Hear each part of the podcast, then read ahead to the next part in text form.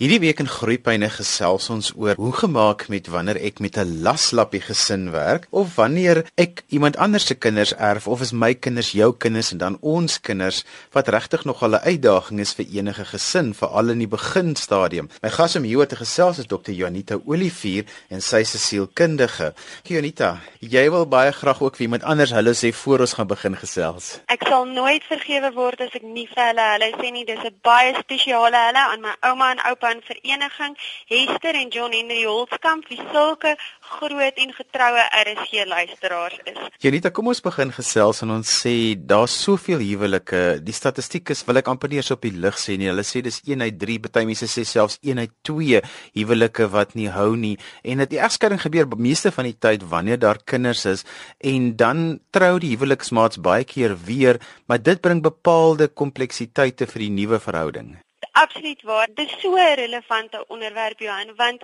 die tradisionele nukleêre gesin van mamma, pappa, kinders, hond is nie meer die norm nie. So hersaamgestelde gesinne of gesinne wat anders lyk is absoluut die norm. En 'n gesin wat anders lyk hoef nie noodwendig beter of slegter te wees nie, dit is anders. Maar daarmee saam kom daar verskriklik baie uitdagings. En mens kan eintlik nie die twee tipe gesinne met mekaar vergelyk nie. Die eerste huwelik um, is soos 'n appel en die tweede huwelik is hulle moen, hulle is onvergelykbaar. In die eerste huwelik gaan dit baie keer en nou is 'n baie sterk fokus op die eggenoot of op die partnership, op die huwelik self. Ehm um, waar in die tweede huwelik gaan dit baie baie spesifiek dan oor die kinders. En die stiefverhoudings in daai opeenvolgende huwelike is eintlik die barometer wat die sukses gaan bepaal van daai huwelik of daai verhouding. En dit raak baie baie gekompliseerd en ons baie ander faktore um, wat daarmee gepaard gaan. Janita, kom ons praat gou oor die mees algemene probleem en dit is wanneer die huweliksmaat, die vorige huweliksmaat, baie keer die kinders opsteek teen die nuwe huweliksmaat wat dan nou ook 'n 'n versorger is. Dis 'n verskriklike slegte situasie en die ironie van die saak is dat daai strategie op die einde van die dag vir mense nie voet kan kom skiet want iewers gaan daai kinders vir jou as ouer verantwoordbaar hou. Hoekom het jy my so opgesteek? Hoekom het jy my verhouding met hierdie persone so belemmer? Maar ons sien dit is 'n baie algemene strategie en 'n poging wat die ouers aanwend amper om hulle oorlog te fight. 'n strategie om om die ander persoon seer te maak.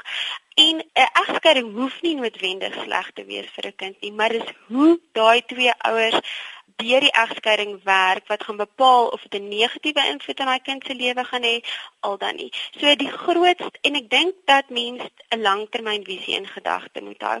En ek moet besef dat dit hier oor my kinders gaan en hoe wil ek hê dat my verhouding oor 10 jaar met my kind moet lyk is hierdie ding waarmee ek op hierdie stadium besig is gaan dit my verhouding met my kind belemmer um, in die lang duur of bou ek nou in in my verhouding met my kind gaan die goed waar ek nou beklei regtig saak maak oor 10 jaar van nou af of nie.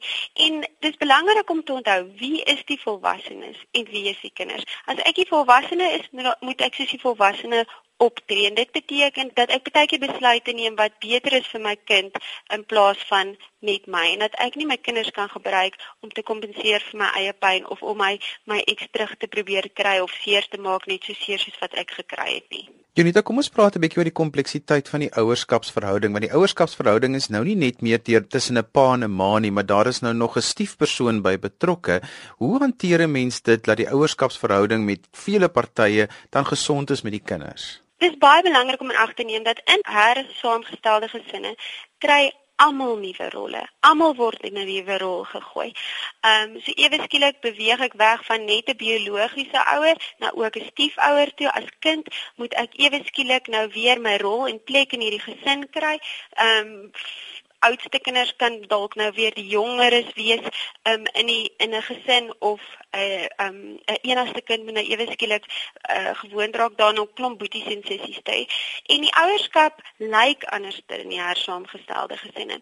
En ek dink 'n groot fout wat mense maak is dat die stiefouer dadelik 'n rol van biologiese ouer amper wil inneem. Wat hulle gevind het is die kans op sukses vir die saamgestelde gesin is groter en beter as die stiefouer amper eerder die good cop rol aanneem as die bad cop. So eerder fokus daarop om 'n vriend of 'n vertroueling of 'n geliefde tannie of oom vir die stiefkinders te wees in plaas daarvan om 'n ouer rol dadelik te moet inneem.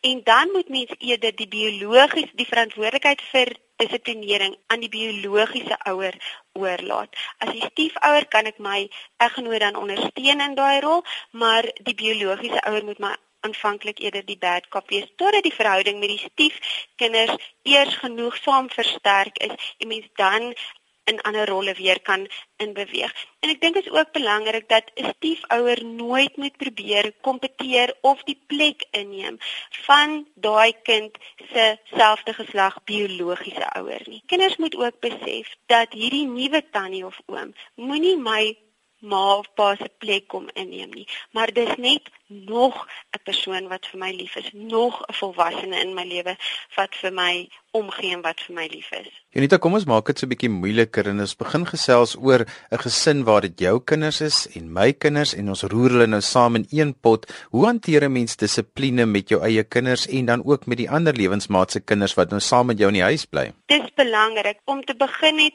by die begin. As ons iets probeer ryp forceer, dan gaan dit nie werk nie. Ons moet ook nie haas in 'n ding in nie. So die navorsing sê vir ons dat as 'n paartjie so minstens 2 jaar wag na 'n egskeiding voor hulle nou weer trou en gesinne saamstel, is die kanse op die sukses ook groter. Dit gee net vir almal kans om aan te pas, om hulle voete te vind, om gewoon te raak aan die idee. So in terme van die dissiplinering dan dink ek ook is dit baie belangrik dat die ouers vooraf besluit. So 'n goeie fondasie moet al klaar ge, gelê word voor ons hierdie gesin saamstel. Die ouers moet vooraf besluit hoe gaan ons die dissiplinering hanteer. Moenie eers as daar 'n konfliksituasie opkom nou dit probeer uitsorteer nie. So die voorbereiding is baie belangrik soos ek nou nou genoem het, is dit belangrik dat die biologiese ouer veral aanvanklik die primêre rol moet speel in terme van die dissiplinering. Waar die stiefouer eers terug staan en die biologiese ouer kan sien om om daai finale besluite te neem. Konsekwentheid is belangrik ook sodat daar dieselfde reëls geld in die huis vir al die kinders. Partykeer gebeur dit dat 'n stiefouer amper probeer oorkompenseer en dan met die stiefkinders oorvriendelik probeer wees of dalk slappe reëls um te hê maar maar dit is nie gesond vir die gesinsstelsel nie. Dis ook 'n goeie idee om aanvanklik met al die kinders saam te sit en familiereëls of gesinsreëls op te stel en hulle insette ook te kry en dit iewers in die huis op te sit waar almal dit kan sien en dat die kinders ook duidelikheid het. Dis waarvoor ons staan, dis ons familiereëls, dis die gevolge as dit nie nagekom word nie, sodat hulle nie onkant gevang um, word in terme van die dissiplinering nie, maar dat hulle 'n goeie idee het van wat om te verwag. Janita, daar is die 3 R'e wanneer dit kom by gesinne en dit is word baie meer kompleks die oomblik as dit my kinders en jou kinders en ons kinders is en dit is die reëls, rotine en rituele. Baie mense het so 'n voedselwerker benadering waar hulle al eenvoudig die ou reëls, geskiedenis, rituele net wil opkap in 'n nuwe manier wil doen, maar dit is nie gewens nie, nê? Nee. Nee, definitief nie. Daai goeders is baie belangrik. Vir kinders is voorspelbaarheid en rotine die goeders wat hulle laat veilig voel. Ouers kan ook nie onder die valse illusie leef dat hierdie tweede huwelik presies gaan lyk soos daai eerste gesinsstruktuur nie. Daar gaan nie nuwe rituele moet wees, daar gaan anderste reëls moet wees, um, gebaseer op die behoeftes van hierdie nuwe gesin. Maar ek dink dit is belangrik om daai goeie so vinnig as moontlik te vestig ook. Soos ek genoem het, dit is iets wat die lewe meer voorspelbaar maak vir die kinders wat kinders veiliger laat voel in 'n situasie waar alles baie verander het, waar alles baie onveilig is of onvoorspelbaar is. En dit laat hulle ook rituele en laat mense ook spesiaal voel. Byvoorbeeld 'n spesiale manier om 'n verjaarsdag te vier of elke Vrydag aand het ons 'n pizza aand of wat ook al.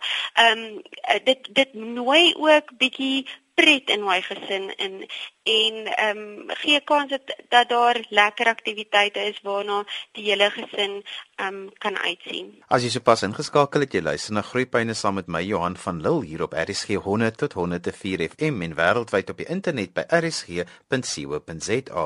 Jy kan ook na ons luister op die DStv audiokanaal 913. Onthou jy kan weer na vandag se program luister as 'n potgooi, laai dit net af by rsg.co.za. Ons gesels vandag oor laslappie gesinne met ander woorde my kinders, jou kinders en wanneer dit ons kinders word. My gas is Dr. Jonita Olivier en sy is 'n sielkundige maar ook 'n huweliksberader wat baie werk met kinders wat in sulke hersaamgestelde gesinne moet floreer. Ons het nou redelik gesels oor wat die uitdagings is, maar een van die dinge wat Jonita wat vir my altyd uitstaan is dat mense het hierdie verwagting dat 'n nuwe gesin amper soos 'n mikrogolf gereg moet wees. Dit moet sommer vinnig opwarm en gou-gou regkom, maar mens moet realisties wees oor hoe lank dit gaan neem vir 'n nuwe gesin om 'n volle gesin te word. Dit is seker een van die kritiese faktore Johan.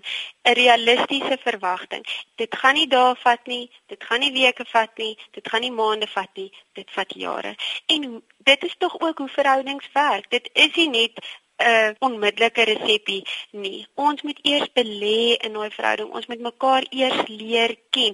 Ons moet eers die ritme van die verhouding leer ken voordat dit um goed kan begin funksioneer. En ek hou nogal van die vergelyking wat getref word byvoorbeeld 'n uh, hersaamgestelde gesin is soos om 'n lorry met 'n stukkie tou te probeer trek. As ek te hard aan daai touwtjie gaan trek of ek te rigied gaan wees met my dissiplinering, gaan daai touwtjie bloot eenvoudig breek. Maar as ek bereid is om te belê in daai verhouding, as ek belangstel in die kinders, as ons fokus om gedeelde ervarings te hê, om mooi na mekaar te luister, dan gaan daai stukkie tou uiteindelik 'n ketting raak wat sterk gaan hoe gaan wees om die normale standpuntstote van 'n verhouding te kan weerstaan. So dit is 'n langtermyn belegging wil ek amper sê. Ehm um, dit is 'n mens met 'n langtermyn visie hê vir hierdie jaar saamgestelde gesin en jy moet 'n absolute kommitment maak daaraan en daagliks in daai in daai belegging belê sodat dit op die eind kan kom daar wat jou visie is vir daai verhouding. Unita, hoe maak ek as my huis op die oomblik voel soos 'n drukpot met al hierdie klomp kinders wat saam is en ek en my huweliksmaat, my nuwe huweliksmaat bly aan die beklei. Ons kan nie saamstem oor goed nie en dit voel amper vir my of ek 'n fout gemaak het deur hierdie twee gesinne nou bymekaar te sit. Waar begin ek om dinge reg te maak veral as ek nie oor die weg kom met die nuwe kinders nie, maar dan dieselfde proses nog probleme met my eie kinders ook het? Ouerskap is moeilik as uh, onder die mees eenvoudige omstandighede. So onder meer gekompliseerde omstandighede is dit nog net soveel moeiliker. Ek dink dit is normaal om mense besluite baie keer te bevraagteken. Ek dink dit is normaal om daar te waar dit voel vaderland ek kan nie verder aangaan nie. Die uitdagings gaan nou wees, die bekleierery gaan nou wees. Dis nie wat ons teekom in die verhouding wat saak maak nie, maar hoe ons met daai konfliksituasies omgaan, hoe ons dit gaan hanteer wat die groot verskil gaan maak. Die voorbereiding is belangrik, soos ook reeds genoem. Ek en my eggenoot moet op dieselfde bladsy wees. Ons moet saamstem oor hoe ons goed soos dissiplinering en rotines ensovoorts gaan benader. Ons moet weet wie is verantwoordelik vir wat, wie moet watter rol inneem in hierdie situasie. As daar duidelikheid is in terme van dit, gaan daar nie ver valse verwagtinge wees wat ons gaan teleurstel aan ons maat nie. Ons hou nie elke dag noodwendig van ons kinders ook nie. Partykeer is hulle baie uitdagend. Ons hoef nie elke dag van hulle te hou nie, maar ons moet maar net liefdevol teenoor hulle optree. Dieselfde met ons stiefkinders. Aan die begin gaan is dit vir ons baie moeilik. Ons ken hulle nog nie so goed nie. Ons voel dalk nie ek is lief vir hierdie kinders nie. Maar dit is net belangrik dat ek kies om liefdevol teenoor hulle op te tree op 'n konsekwente manier. En op die ou end want liefde is 'n werkwoord en op die ou end kan daar uit daai liefdevolle optrede um op die einde liefde ontwikkel. Jonita as 'n mens kinders het, dan stel 'n mens altyd jou kinders eerste. Maak nie saak hoe mense daaroor redeneer nie.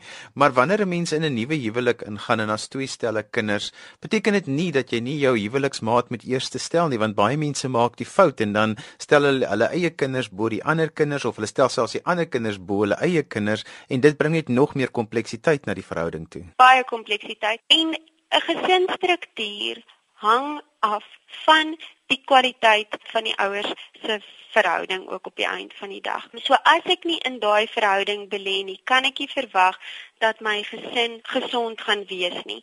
'n Mens moet die huweliksverhouding as 'n prioriteit daarstel. Ons moet gereelde date nights hê. Ons moet tyd hê waar ons alleen van die kinders af kan wegkom sodat ons kan belê in daai verhouding ook. Want die hersaamgestelde gesin bestaan tog as gevolg van die twee eggenote wat mekaar gekry het. So om seker te maak dat die res van die gesin gesond is, moet ons eers in die eerste plek ook seker maak dat daai ehm um, verhouding gesond gaan wees. Janita, maar is altyd 'n goeie idee vir so 'n nuwe saamgestelde gesin om maar tog te gaan vir berading vir huweliksberading. Hoe sal dit werk in die praktyk want as die mense die woord berading hoor en veral as jy uit 'n uit 'n verhouding uitkom wat nie gewerk het nie, dan dan gaan staan mense se hare nogal regop en slaan hulle uit in hoendervleis.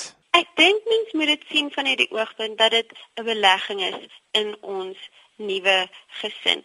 Dit gaan aan die kinders wys hoe ernstig hulle daaroor is om hierdie verhouding te maak werk. En ek dink mense moet dit ook kommunikeer dat ons gaan omdat hierdie verhouding belangrik is. Ons gaan omdat jy sê hoe jy voel hieroor belangrik is. Ons gaan omdat ons wil hê jy moet gehoor ook voel. En dit is 'n plek waar ons al die irritasies kan gaan uitstryk en dit is 'n plek waar ons kan help om ons verhouding te ondersteun, om ons gesin te ondersteun sodat ons almal kan voel ons het 'n plekkie sodat ons almal gelukkig kan wees binne hierdie nuwe gesinsstruktuur. Junita, hoe sal dit prakties werk? Dit is my soos my ma altyd sê toe kom hulle daaraan by julle. Hoe werk dit? Kom die hele gesin saam? Wat doen 'n mens om dit ehm um, die proses te begin? Mm.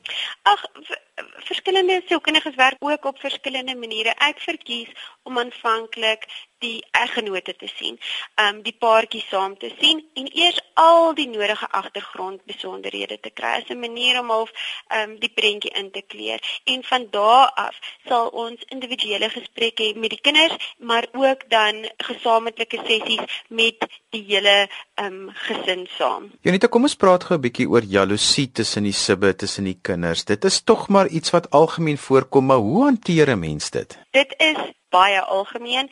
Ek dink dit gaan nog meer normaal of nog meer te verstaane wees in 'n hersaamgestelde um, gesin want ewe skielik is daar soveel meer met wie ek moet kompeteer om aandag om liefde.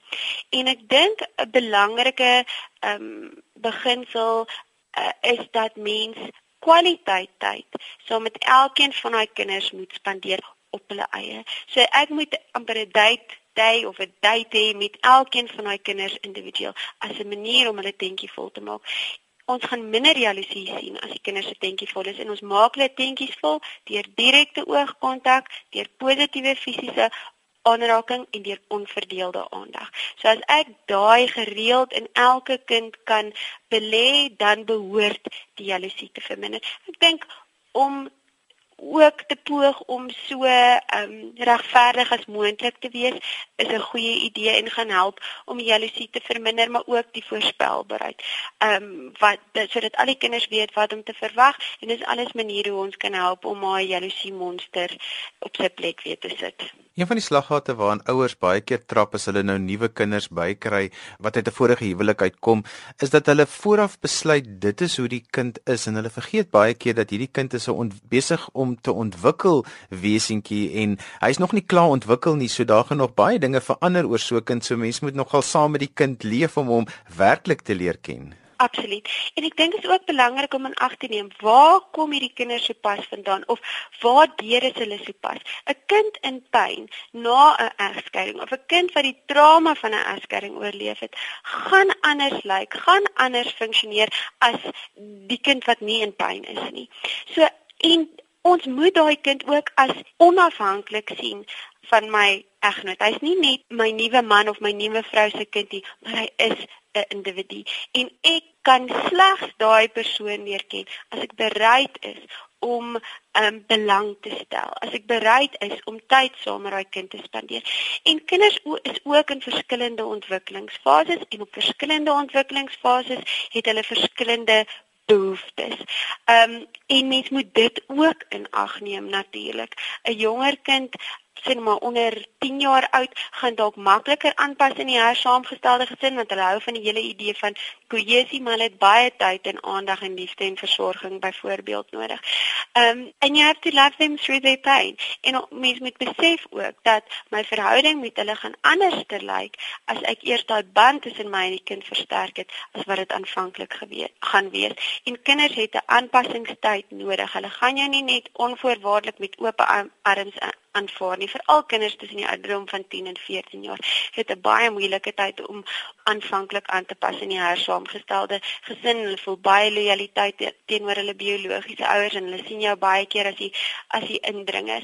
Ehm um, maar dit dit so ek moet met groot empatie na daai kinders kyk en hierdie situasie ook vanuit hulle perspektief beskou en dit gaan dit gaan die binding binne daai gesin gesin op die einde van die dag help. Dr. Junita Olivier is van Rustenburg. Junita, as mense met jou wil kontak maak, hoe kan hulle dit doen? Hulle kan vir my e-pos stuur, dis Junita J O A N I T A .olivier@gmail.com of op my kantoornommer 014 59 22043. Dis en alwaar vir ons tyd het vandag. Onthou jy kan weer na die program luister as 'n potgooi laai dit af by rsg.co.za. As jy met ons gas wil kontak maak, ons gee ook ons gas se kontakdetail op Facebook. Tik maar net groeipyne in by die soekopsie op Facebook, like ons bladsy en daar kan jy alle inligting oor ons program vind. Skryf gerus vir my e-pos as jy enige navrae het by groeipyne by rsg.co.za. daarmee groet ek dan vir vandag tot volgende week van my Johan van Lille. Totsiens.